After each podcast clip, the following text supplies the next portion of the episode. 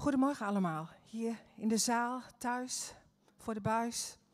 Ik wil u hartelijk welkom heten hier in de Christengemeente De Ontmoeting. Heer, we willen deze morgen, of ja, we willen deze morgen luisteren naar uh, wat Daniel te zeggen heeft tegen ons. En we willen de Heer uh, groot maken in onze liederen. En ik wil voorgaan in gebed. Ja, trouwe God en Vader, Heer, ik wil u danken, Heer, voor deze nieuwe morgen. Ik wil u danken, Heer, dat we hier zo weer samen mogen zijn. Heer, in uw naam. Heer, waar twee of drie in uw naam vergaderd zijn. Heer, daar bent u in ons midden. Daar wil ik u zo voor danken. Heer, dank u wel dat we ook alles zo onder uw heerschappij mogen stellen. Heer, alles wat hier gebeurt, hier op het podium, het woord wat gesproken mag worden in de zaal, Maar ook bij de kinderdienst, Heer, dat alles tot eer en glorie van uw grote naam mag zijn. Dat vragen we zo in de naam van Jezus. Amen. We gaan beginnen met een geloofsbelijdenis. En um, ik zou willen vragen, willen jullie allemaal gaan staan? En dat we proclameren naar de hemelse gewesten, Jezus, Hij is Heer.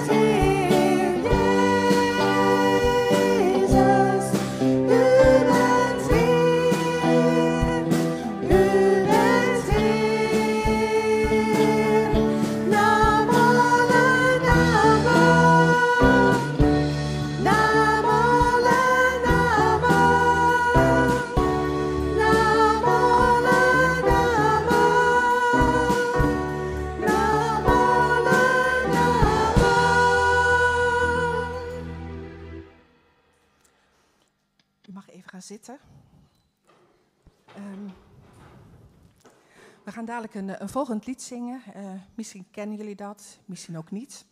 Het is een lied van Herman Boon en dat, uh, dat lied heet Angst zal verdwijnen als ik mijn hand leg in de zijne. Er kan in ons mensenleven heel veel angst ja, um, in ons leven zijn. Um, angst, angst voor dingen, angst voor verandering, angst omdat je bang bent, dat je, of dat je ziek wordt, dat je denkt van hoe gaat het allemaal verder. En nou, dat, dat kan je benauwen en dat kan je beklemmen. En um, ik weet ook dat uh, ja, dingen je ook heel erg aan kunnen vliegen. En dat je soms, uh, nou, misschien wel 20, misschien wel 30, misschien wel 50 keer per dag uh, het bij de Heer moet brengen. En maar de angst zal verdwijnen als ik mijn hand leg in de zijne. En met de, voorbereiding van deze dienst, uh, gisteren, um, gisteren, kreeg ik tweemaal een Bijbeltekst uit uh, Jesaja. En dat is Jesaja 40, vers 31. En dat wil ik met jullie delen. En daar staat: Maar wie hoopt op de Heer, krijgt nieuwe kracht. Hij slaat zijn vleugels uit als een adelaar. Hij loopt, maar wordt niet moe. Hij rent, maar raakt niet uitgeput. Wij hopen op de Heer en Hij geeft ons kracht. En ook onze angst zal verdwijnen. En dat willen we nu gaan zingen.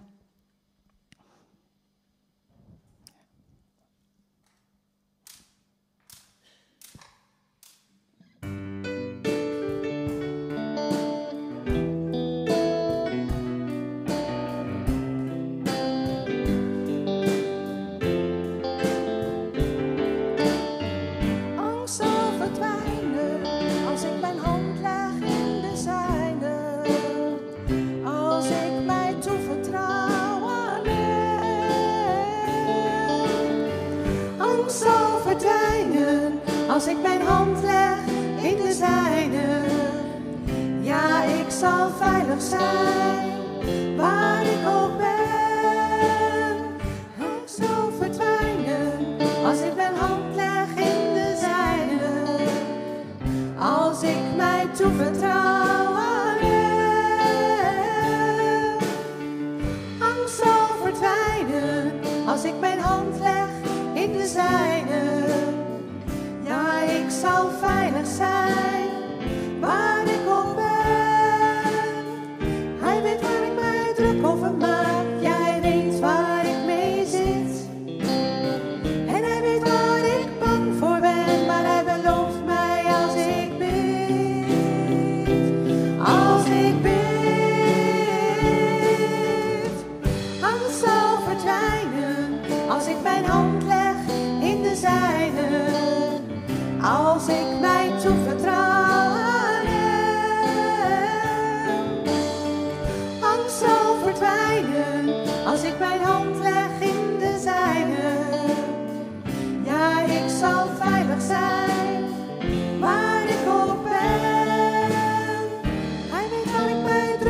my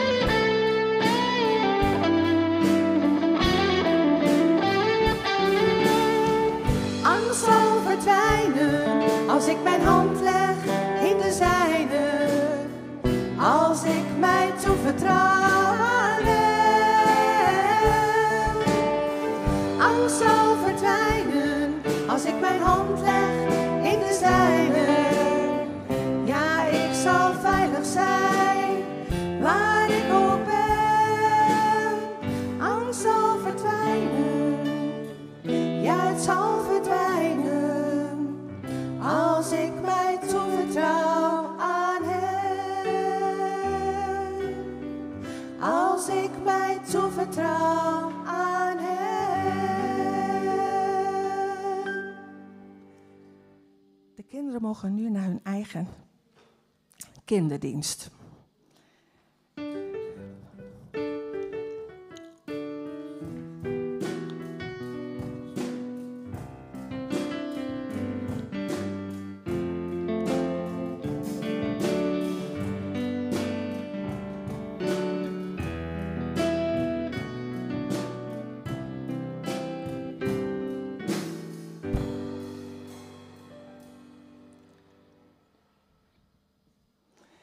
We gaan nu eh, kijken en luisteren en, ehm, naar een eh, lied van Rijer.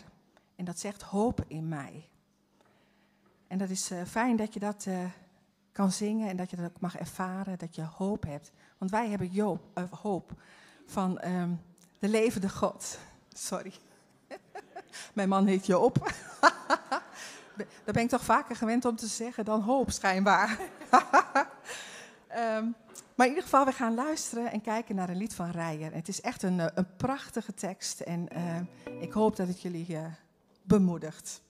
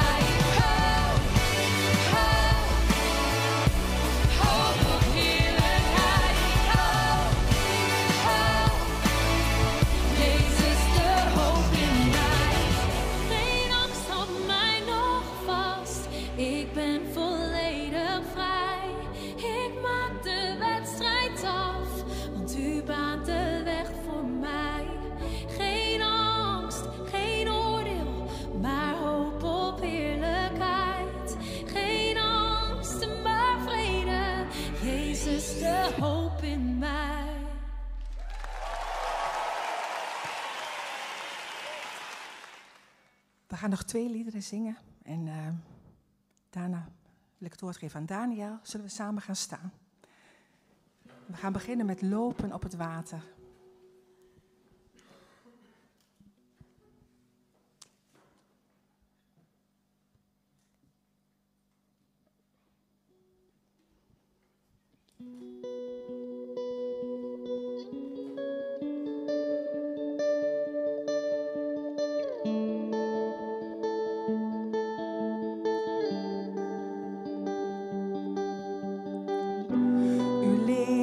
calor.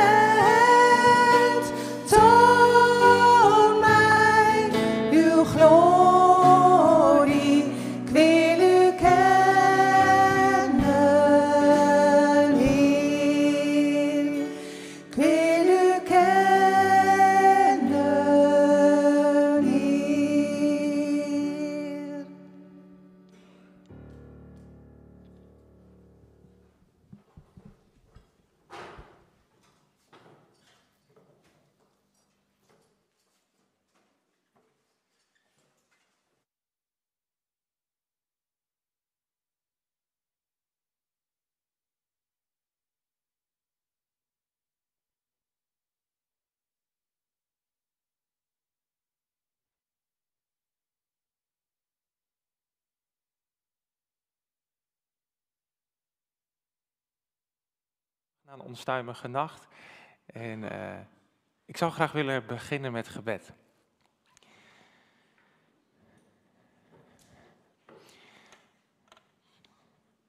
Dank u wel voor deze morgen. Dank u wel dat u heeft beloofd dat daar waar twee of drie in uw naam vergaderd zijn, dat u daar in ons midden bent. Dank u wel dat uh, nu we zo hier samen zijn, het zij digitaal, het zij fysiek hier in de dienst. Dank u wel dat we zo met de ogen van ons hart mogen zien dat u hier bent. Dat we ons hart open mogen zetten, omdat we weten dat de Allerhoogste God, El Elohim, dat die hier aanwezig is deze morgen. Dank u wel dat we deze morgen zo uit mogen zien naar wat u gaat doen. Heer, dank u wel dat, het, uh, dat de verandering van ons hart, de aanraking van ons hart, de openbaring van uw woorden, dat dat niet afhangt van een inspirerende spreek of een flitsende show. Heer, maar dank u wel dat de enige voorwaarde is dat uw Heilige Geest leven geeft aan de woorden die gesproken worden. Heer, dank u wel dat ik daar ook zo in mag rusten en mag vertrouwen. Dat uw Heilige Geest de woorden van God tot leven zullen brengen in de harten vandaag. Dank u wel dat uw zoon gestuurd heeft en daarmee ook dat uw zoon heeft gezegd. Wie mij heeft gezien, heeft de Vader gezien. Zo bid ik ook dat door deze morgen, op deze bijzondere dag, ook op deze Vaderdag, dat iedereen een persoonlijke ontmoeting mag hebben met God de Vader. Dat bid ik zo in Jezus' naam. Amen. Amen. Goedemorgen.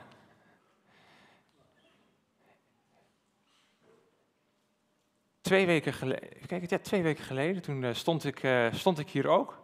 En weet wie, uh, was iedereen daarbij toevallig twee weken geleden? Of was iemand er niet bij? Dat, uh, dat is misschien makkelijker, de aantal gasten natuurlijk. en um, twee weken geleden hadden we het, hebben we het gehad over de tempel van God.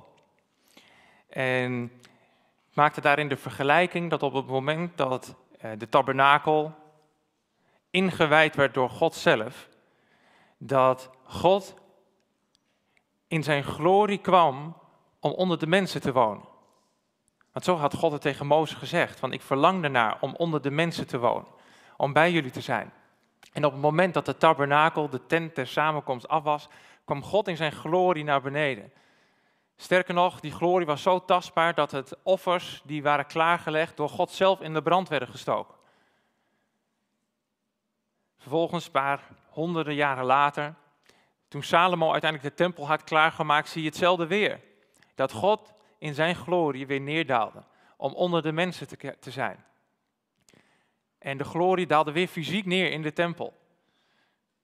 In zo'n mate dat de, priesters die de offerdienst hadden niet konden blijven staan. Zo sterk was die aanwezigheid in die glorie van God. En het spreekt iets uit over de wens van God om vanaf het allereerste begin onder de mensen te zijn, bij de mensen te zijn. En als we inderdaad in het, um, in het Oude Testament lezen, dan zie je heel vaak staan en ze waren onderweg naar de tempel. Van uit de hele omtrek van de hele, het Midden-Oosten kwamen de Joden naar Jeruzalem om te offeren, om in de tempel te zijn. En waarom? Omdat daar was de tegenwoordigheid van God aanwezig. God zelf was daar. Want God had dat laten zien op het moment dat God de, de tempel geopend werd, dat de tempel gewijd werd, kwam God zelf in zijn glorie en in zijn majesteit. En uiteindelijk hebben we stilgestaan bij de link dat op een gegeven moment, als we daar ons van bewust zijn, dat dat is hoe God naar de, de tempel uh, benaderde en hoe dat door de hele geschiedenis heen uh, zich afspeelde. Hoe bijzonder het eigenlijk is als een Paulus tegen de Joden onder andere uitspraken doet van, maar nu dan weten jullie niet dat jullie lichaam een tempel is van de Heilige Geest. Dus met andere woorden, daar waar God vroeger op één plek in Jeruzalem, in de tempel, fysiek aanwezig was in zijn glorie, beloofde Jezus een trooster die zal komen met kracht. En wederom, op het moment dat de Heilige Geest werd uitgestort met Pinksteren, zag je dat wederom de glorie van God neerdaalde, maar niet meer op één plek. Niet meer om één plek waar iedereen naartoe moest komen om de glorie van God te kunnen aanschouwen, om offers te kunnen brengen als vergeving van de zonde. Maar was de glorie uitgestort, de aanwezigheid van God werd uitgestort in mobiele tempels. We zijn allemaal een soort kampers met elkaar. Allemaal Shinti's, allemaal Roma's. Wij dragen namelijk het huis van God met ons mee. Wij dragen de tegenwoordigheid van God met ons mee, overal waar wij gaan. Dat is hoe God het heeft bedacht. De wereld hoeft niet meer naar de tempel te komen, maar nu komt de tempel komt naar de wereld toe. En dat is niet meer gebonden alleen aan het Midden-Oosten, maar overal waar het evangelie van God gebracht wordt. Overal waar mensen ja zeggen tegen de genade van God. Daar komt Gods tegenwoordigheid inwoning maken in ons. Wat een blijde boodschap. En het laatste stukje van de preek heb ik stilgestaan bij de context waarin Paulus dat woordgebruik toepast. Dus als Paulus het, die heeft twee keer namelijk over, maar weten jullie niet dat jullie lichaam nu een tempel is van de Heilige Geest? Wat Paulus daarin wilde aangeven, is als jullie lichaam dus nu een tempel is van de Heilige Geest, wees dan bewust van hoe je je leven inricht en wat je wel en niet doet. Want God zelf woont in jou. En hoe weten we nou wat we wel en niet moeten doen, of kunnen doen, of daar is het woord van God duidelijk over. En daar hebben we een tijdje over nagedacht met elkaar. En het is eigenlijk een heel lastig onderwerp. En daarom is het eigenlijk, zou u het eigenlijk kunnen beschouwen als een soort um, direct vervolg op de vorige keer. Waarom? Omdat soms hebben bepaalde dingen hebben een bredere context nodig om het hele plaatje namelijk te begrijpen. Als je het alleen maar gaat hebben en de focus is bijvoorbeeld alleen maar op van je moet zus, je moet zo, je moet dit, je moet dat. Het punt is, dan worden we alleen maar op onszelf gericht en lopen we het gevaar van dat we alleen maar bezig zijn, ja maar ik moet iets doen om van God te krijgen of geaccepteerd te worden door God. Terwijl dat nou net juist niet het evangelie van God is. Alleen de andere kant bestaat er wel ernaast. Paulus die spreekt regelmatig over, wees heilig, want ik ben heilig. Spreekt regelmatig over bekering. Spreekt regelmatig over het leven overeenkomstig wat God in heeft voorzien. Uw redding met uw redding blijven bewerken. Allemaal zulke terminologie, wat soms dan moeilijk naast elkaar kan bestaan, waar je van de ene kant, ja, maar hoe zit dat nou? Aan de ene kant moet ik dus wordt er van mij heel veel verwacht wat ik moet doen. En aan de andere kant uh, heeft God overal in voorzien en is het volbracht. Hoe staat dat dan naast elkaar? En dat is een vrij breder plaatje waar ik deze morgen met jullie uh, met, samen bij stil wil staan. Om hopelijk die dingen beter in balans te kunnen brengen. Want als het, het is namelijk niet het een zonder het ander en het ander niet zonder het een. Maar het hele plaatje is wel nodig om, om het een goed beeld ervan te krijgen. Om te voorkomen dat we niet in een kramp terechtkomen. Of juist soms in een positie, dan denk nou ja, het is toch, het is volbracht, dus uh, daarmee is de kous af. En ik heb mijn ticket voor de hemel en uh, ik maak er een feestje van.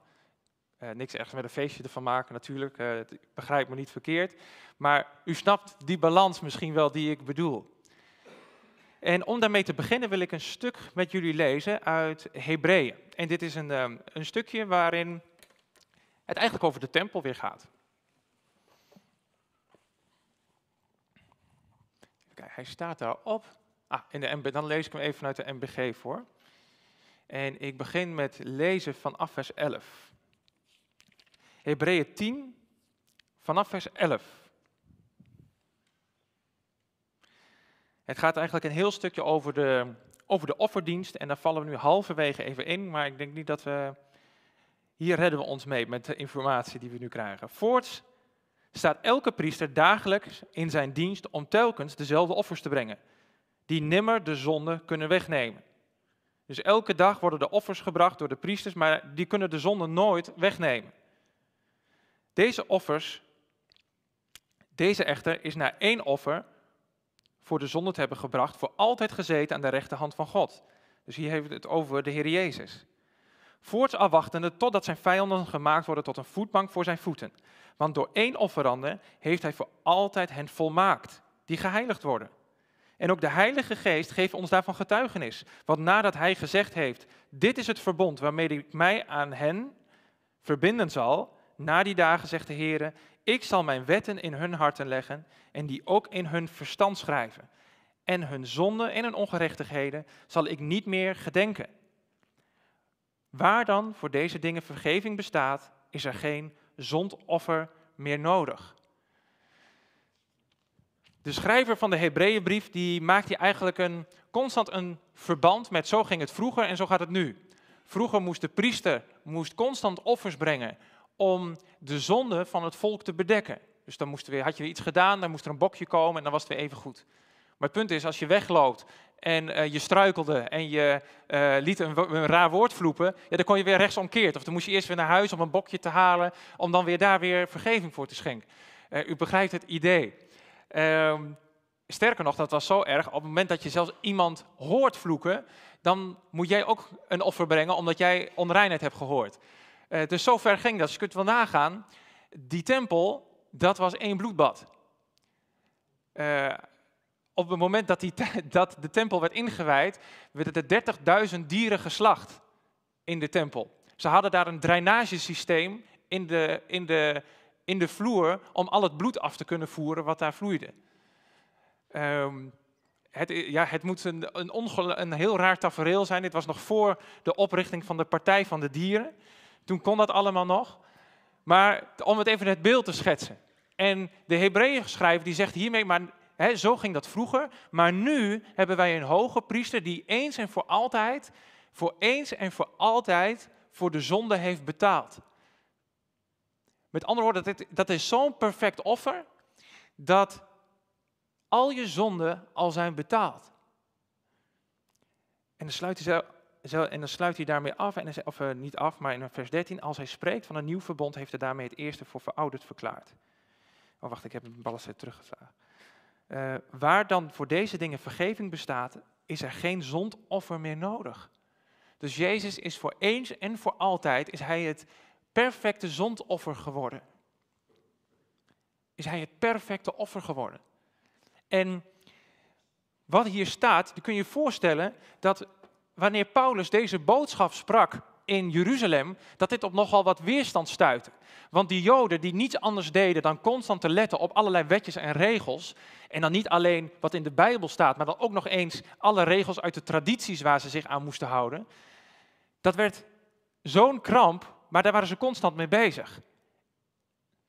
En dan in één keer komt er iemand die zegt, nee, maar nu is er voor eens en voor altijd een offer gebracht.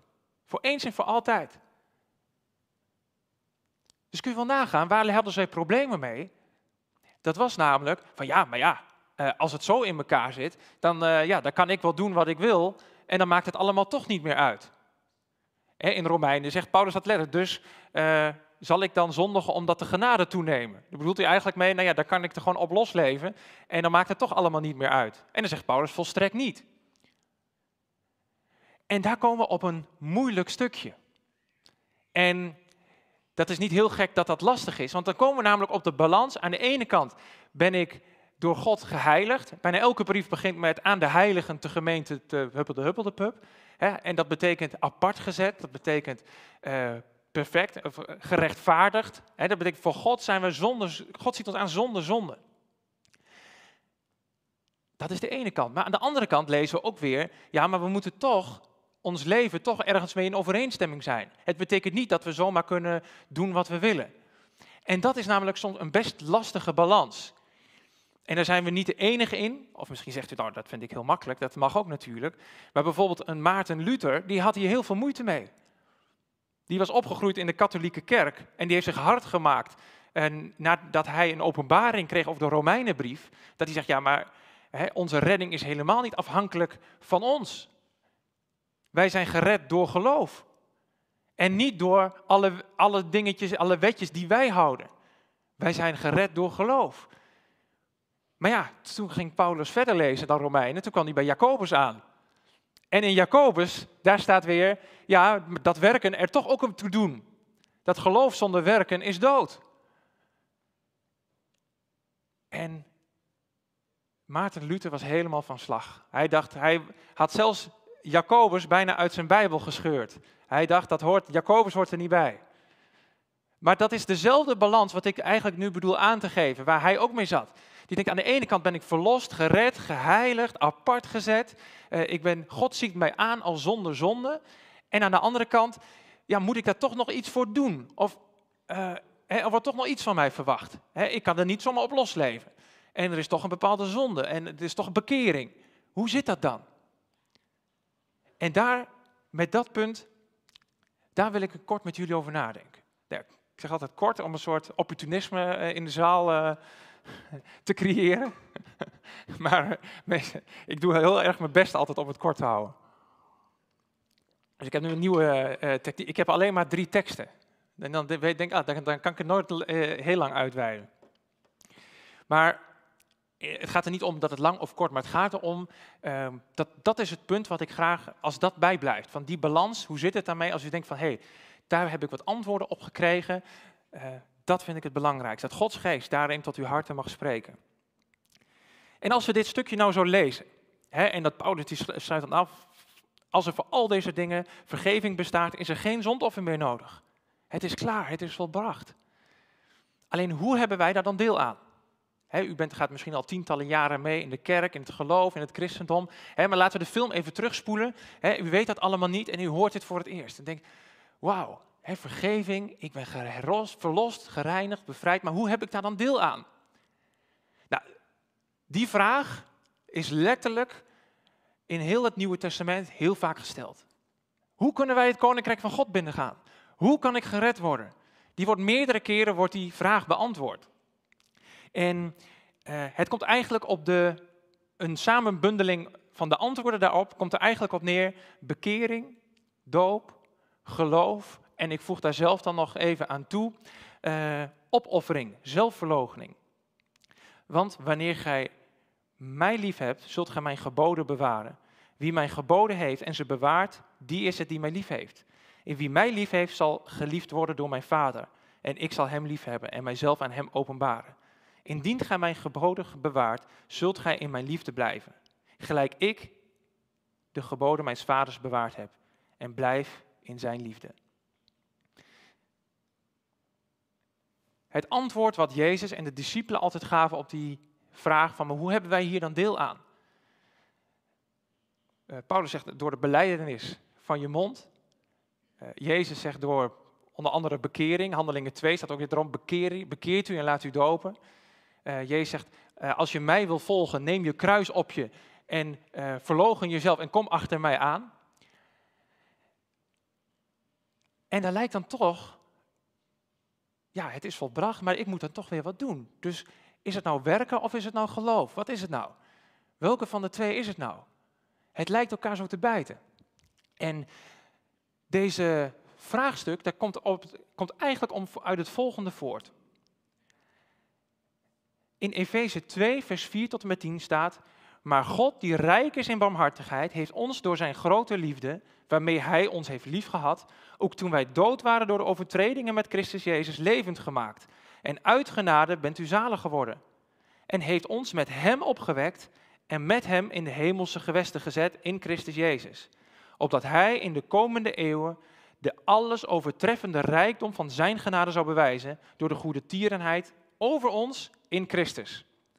Want uit genade bent u zalig geworden. Uit genade bent u gered. Uit genade bent u eeuwig verlost. Door het geloof in dat niet uit u, het is een gave van God. Niet uit werken, opdat niemand zou roepen. Want wij zijn zijn maaksel, geschapen in Christus Jezus om goede werken te doen die God van tevoren bereikt heeft. Opdat wij daarin zouden wandelen. En wederom, nu in één tekst lijkt het lijken die tegenstrijdigheden zelfs in één tekst naar voren te komen. Het is dan toch weer doen, maar het is uit genade. Ja, wat is het nou? En wat we moeten begrijpen is dat er twee dingen hand in hand gaan. Want uit genade bent u zalig geworden door het geloof. Dat is wat hand in hand met elkaar gaat. Dat is waar we moeten begrijpen en dat is waar de, hoe de volgorde in elkaar zit. We zijn gered uit genade en door geloof.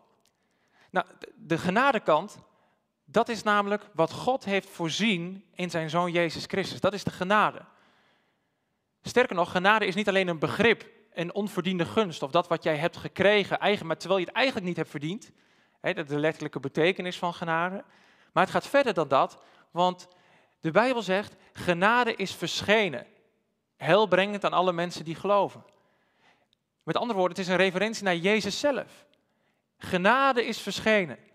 Genade is niet alleen een begrip, is niet alleen de definitie van, oh dat is mooi. Nee, maar genade is de persoon Jezus Christus.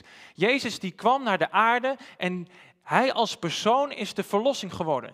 Doordat daar waar alle mensen gezondigd hebben en de heerlijkheid God derven, dus eigenlijk tekortschieten om de heerlijkheid van God te mogen aanschouwen, zegt Jezus maar, eh, door die genade mogen wij dat in één keer wel. En krijgen we dat.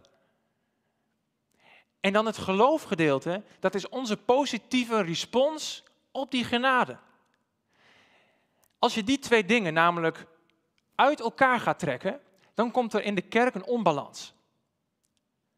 Als je namelijk zegt, het is alleen door genade dat ik gered ben, wat je dan krijgt is een soort, is een soort alverzoening. En dat betekent van het maar in die zin, uh, Jezus is naar de aarde gekomen, er is in genade is er voorzien. Hè, onze zonden zijn betaald voor alle mensen.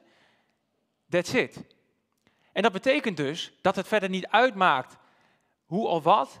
Er ligt een cadeau en dat is voor iedereen. Alleen je hebt dan wel een probleem met de teksten waarin Paulus bijvoorbeeld een waarschuwingen geeft. Uh, en, en, dat, je, en dat eh, de Bijbel zelf zegt van ik wil, dat ik wil niet dat er iemand verloren gaat. Maar ja, het punt is, dat probleem, als je denkt, het gaat alleen maar om genade, dan is dat probleem al opgelost. Want genade is verschenen en dat is voor alle mensen. Dus, hè, punt, het houdt daar op. Ga je bijvoorbeeld naar de andere kant en zeg nee, maar het is alleen geloof. Het punt is, dan draait het alleen maar om jou. Dan draait het hoe goed je leeft, hoe goed je bent, hoe goed om je uiterlijk, hoe, hoe uh, heilig jij overkomt. Maar het punt is, dan gaat het om mijn vertoning. En gaat het om wat ik laat zien.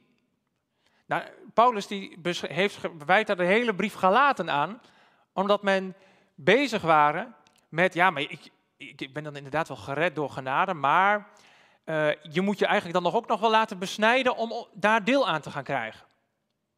En zegt Paulus, nee, maar wacht eens even. Dan ben je dus weer, stap je naar de, van weer naar de ene kant van de weegschaal. En dan gaat het alleen maar om onze reactie. Gaat het alleen maar om wat wij doen.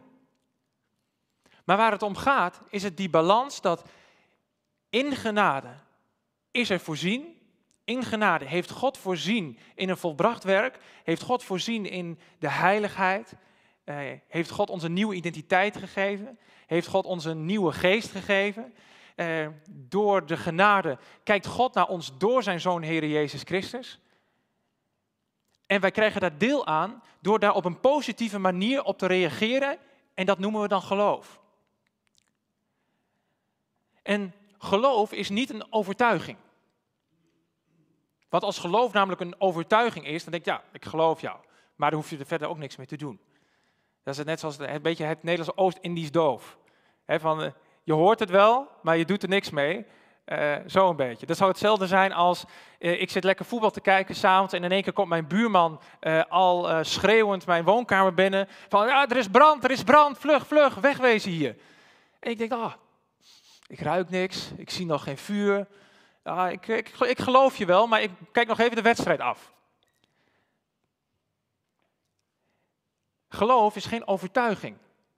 Wat Geloof betekent is, ik hoor het woord van de buurman die zegt, er is brand in mijn huis. Vervolgens, ik accepteer die woorden. Ik geloof, hè, ik, ik hoor ze, maar vervolgens ga ik er ook naar handelen. Vervolgens sta ik op, ik pak mijn spulletjes of mijn dierbaren of uh, uh, wat dan ook. En ik ga ook naar buiten toe. Ik doe daar wat mee. Dat is wat geloof is.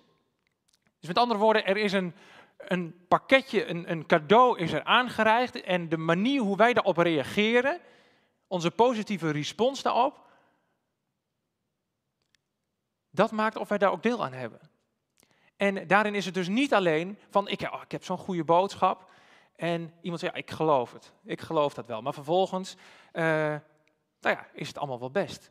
Het, eh, uiteindelijk, er is niets in het leven waaruit blijkt dat hij dat ook echt gelooft. Het is inderdaad een overtuiging. Maar ja, zo, het punt is, het is alleen geloof, wordt het alleen wanneer je het daadwerkelijk ook gaat doen en gaat wandelen. En dat is die samensmelting ervan, waarin het aan beide kanten nodig is in ons leven, omdat er, dat dat aanwezig is, om effect te kunnen hebben. Net zoals zout bestaat uit twee onderdelen. Natrium en chloor. Natriumchloride, dat is zout. Maar ja, als je alleen natrium hebt of alleen chloor, dan heb je dus geen zout. Wij zijn het licht of wij zijn het zout van deze aarde. Maar dat betekent niet dat wij alleen maar natrium of alleen maar chloor hebben. Sterker nog, als je alleen maar chloor neemt, dat, dat, dat brengt je nog niet, niet heel veel goeds, kan ik je vertellen. Maar die combinatie van die twee, dus het pakketje waar God in heeft voorzien en onze positieve reactie daarop, daar zit, de kracht in. Daar zit het hem in. En daarom is het ook constant die balans waarin aan de ene kant is er in voorzien en wordt die ene kant belicht en soms wordt die andere kant belicht. Want wanneer ons leven namelijk niet overeenkomstig het woord van God is, waar Paulus dan eigenlijk op doelt, ja maar wacht eens even. Je, handel, je handelt niet naar wat je hebt gekregen. Want als je daadwerkelijk zou geloven, dan zou het zichtbaar moeten zijn. Het zou zichtbaar moeten zijn op het moment dat ik de woorden van mijn buurman geloof, omdat ik naar buiten ren en wat met die woorden doe.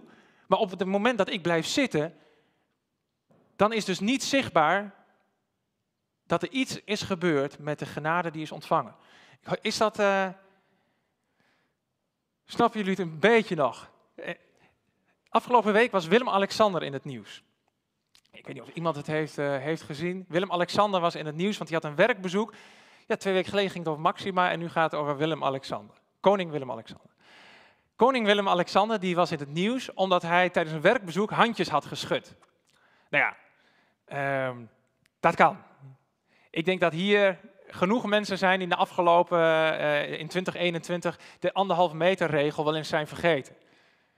Uh, of per ongeluk ook iemand een handje heeft, hebben geschud of toch te dicht bij iemand hebben gestaan. Uh, niet helemaal de coronamaatregelen in acht hebben genomen. Dat kan. Maar waarom staat koning Willem-Alexander op de voorpagina van uh, elke uh, krant die ik online open met ja, koning Willem-Alexander schudt iemand de hand? Dat heeft ermee te maken omdat koning Willem-Alexander is bekleed met de autoriteit van koning. Hij is koning.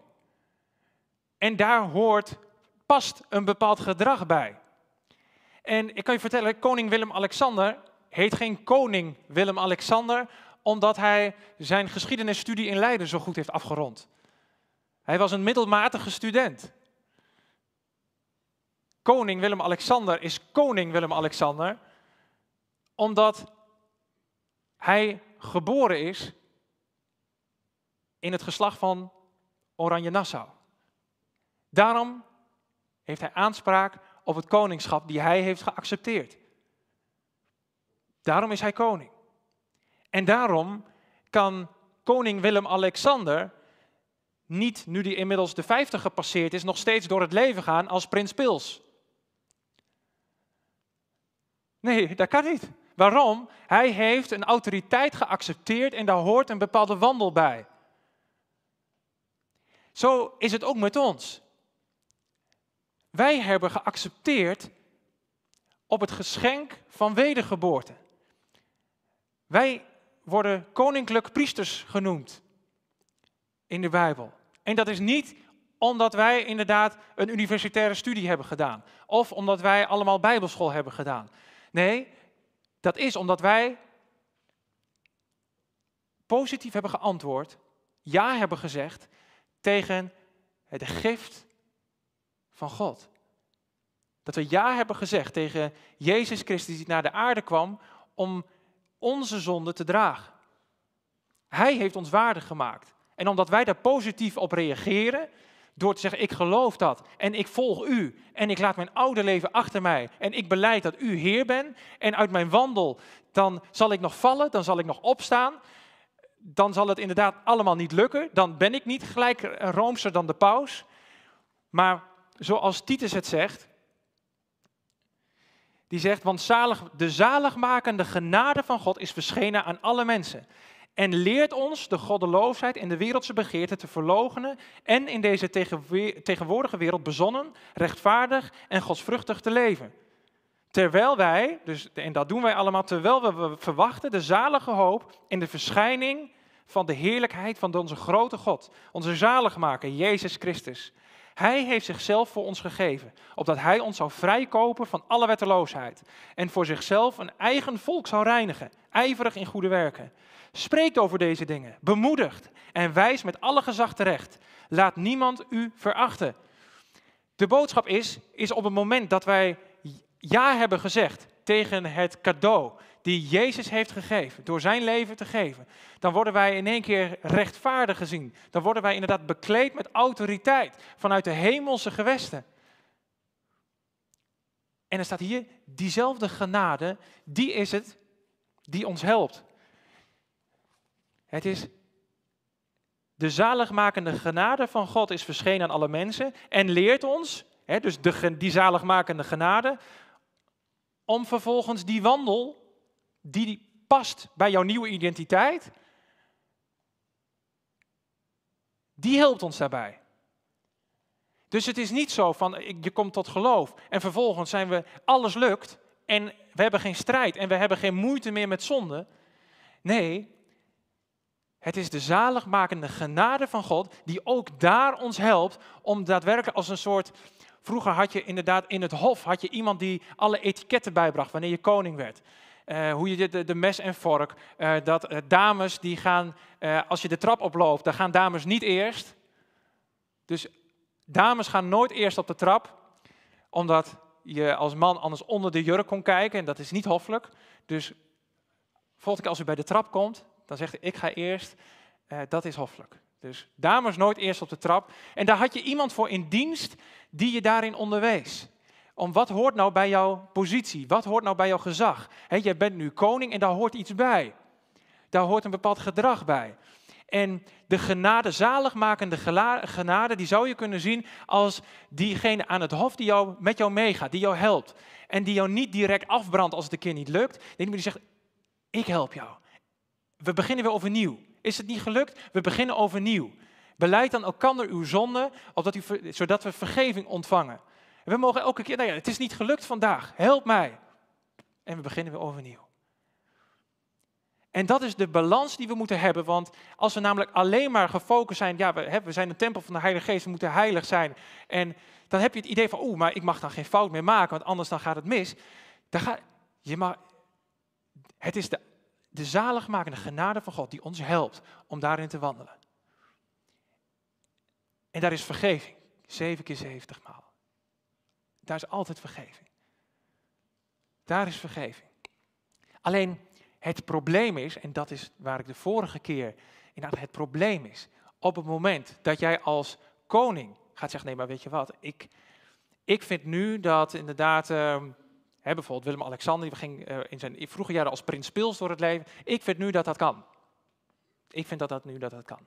Het probleem is dat de autoriteit die die lakij heeft om jou te onderwijzen in jouw wandel, die zet je buiten spel. Want die zegt, nee maar wacht even, ik bepaal nu wel, ik bepaal nu wat, wat past bij wat ik fijn vind. En dat is het, het punt waar Paulus voor waarschuwt.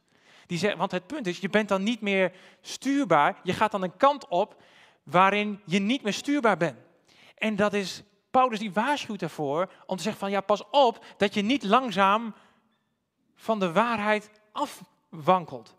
En ik hoop dat dat verschil soms duidelijk is. Dus dat we niet inderdaad denken van ja, maar het, is een, het wordt een, een zwaar juk, het christendom. Hè, want ik moet nu in één keer aan alles voldoen en anders heb ik een probleem. Nee, dat is niet het evangelie. Het probleem is, als God naar ons kijkt, kijkt hij door ons, door zijn zoon. En onze wandel, dat is onze positieve respons op wat we geloof, wat we omarmen, wat hij heeft gedaan.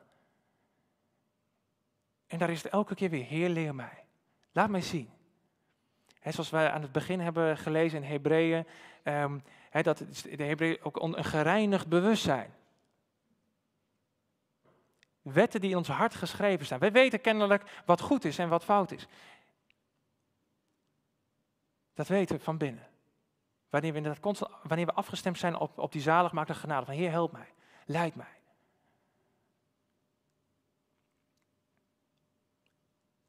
En ik bid toe dat de Heilige Geest om daarin in ons gaat helpen. Om inderdaad niet aan de ene of de andere kant van de weegschaal te gaan staan en denken, het gaat allemaal om wat ik doe en ik moet perfect zijn, ik moet zus, ik moet zo. want dan is het weer op mezelf gericht. Dan gaat het weer om wat ik allemaal doe. En aan de andere kant, het is ook niet zo van, nou, ik ben nu inderdaad bekleed met de autoriteit van de koning, van het koninkrijk van God. Ik ben een koninklijk priesterschap en dit is mijn ticket, my right to heaven. Het is samen. Natrium en chloor maakt zout. En jullie zijn het zout van deze aarde. Ik zou graag voor jullie willen bidden. Ik zou het muziekteam vast willen uitnodigen.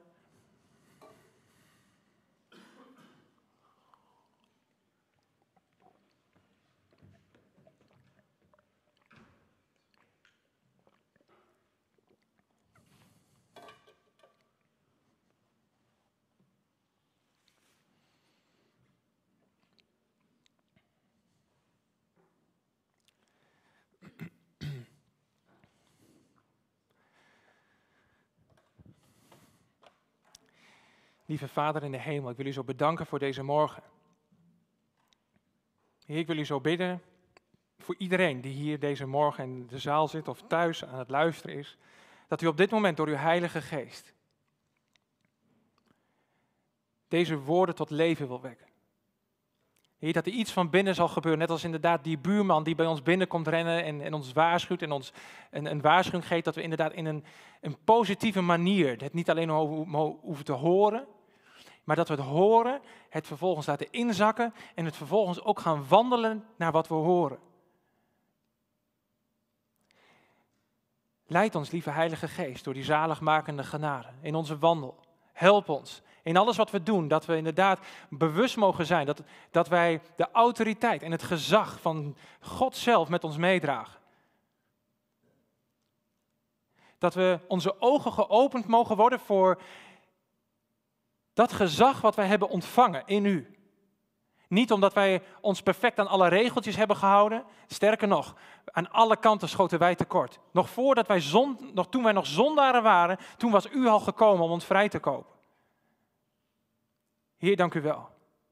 Dat wij steeds meer en meer in staat zullen zijn en te ontdekken wat het inhoudt wanneer wij de kleed van gerechtigheid aandoen. Wanneer wij inderdaad door u bekleed zijn met gezag namens de koning. Dat we gezanten van u zijn. Dat onze ogen geopend mogen worden, wat dat, wat dat met zich meedraagt. Op het moment dat wij de woorden van u spreken naar mensen om ons heen, op het werk, op school, eh, in de stad, waar we ook zijn. Dat het niet alleen woorden vanuit onszelf zijn, vanuit een bepaald verstand, maar als we inderdaad luisteren naar uw stem, dat dat woorden zijn die leven met zich meedragen. Dat we afgestemd mogen zijn op wat u te zeggen heeft. Ik wil ook de gelegenheid geven als er vandaag mensen in de dienst zijn die zeggen, nou, ik heb eigenlijk nog nooit een positieve respons gegeven op dat cadeau van Jezus Christus. Ik heb eigenlijk nog nooit eh, ja gezegd. Ik heb eigenlijk nog nooit mijn oude leven achter mij gelaten. Ik heb eigenlijk nog nooit, ja, ik, ik ken misschien die woorden wel, maar ik heb er nog nooit inderdaad op naar gehandeld. Als u zegt, nou, ik wil dat vandaag doen, ik wil die, die, dat besluit maken om Jezus te volgen, wil ik u vragen om een moment even uw hand op te steken. En dan wil ik voor u bidden, op de, u hoeft niet te gaan naar voren te komen staan, dan wil ik gewoon een moment voor, met u bidden. Is er iemand die zegt, ik wil vandaag daarop reageren, op die uitnodiging? Om daar een positief op te reageren, op het offer van Jezus Christus. Steek een moment uw hand op en dan wil ik voor, op de plek waar u zit, wil ik voor u bidden.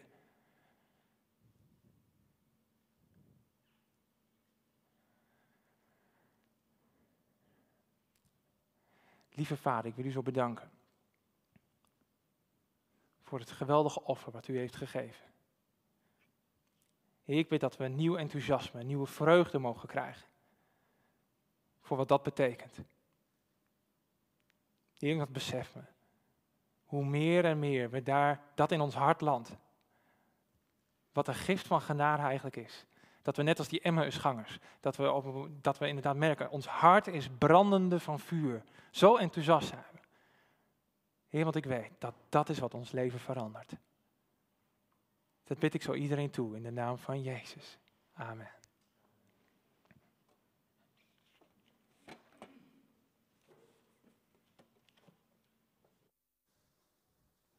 We gaan nog één lied zingen. En eh, zullen we dat staande doen? En het is Wees mijn verlangen. O Heer van mijn hart, leer mij u kennen in vreugde en smart.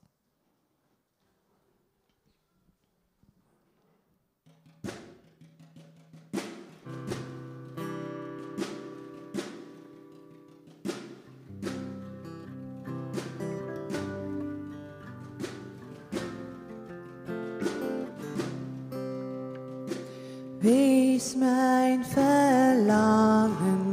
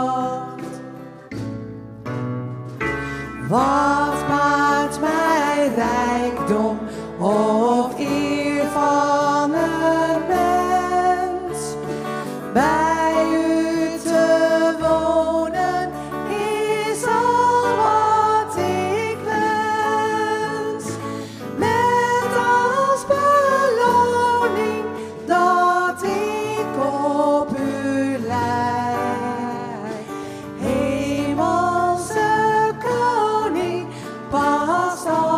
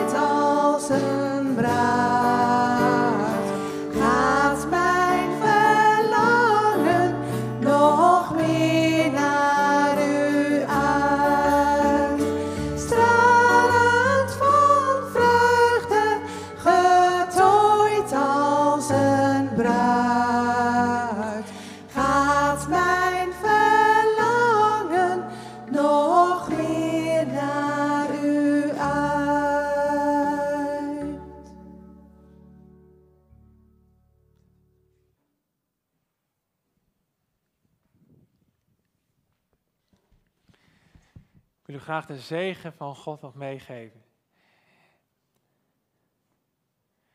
Lieve Vader, ik draag deze mensen, deze gemeente, de ontmoeting, ik draag het zo op voor uw aangezicht.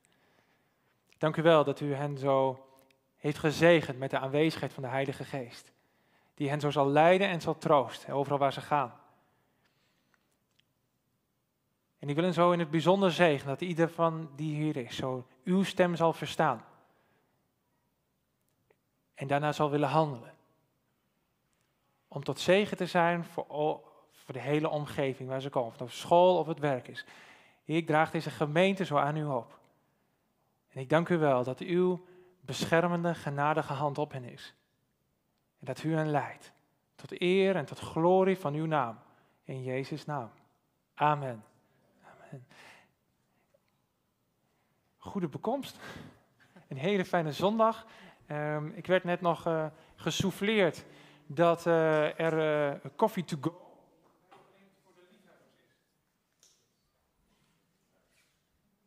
Dat er nog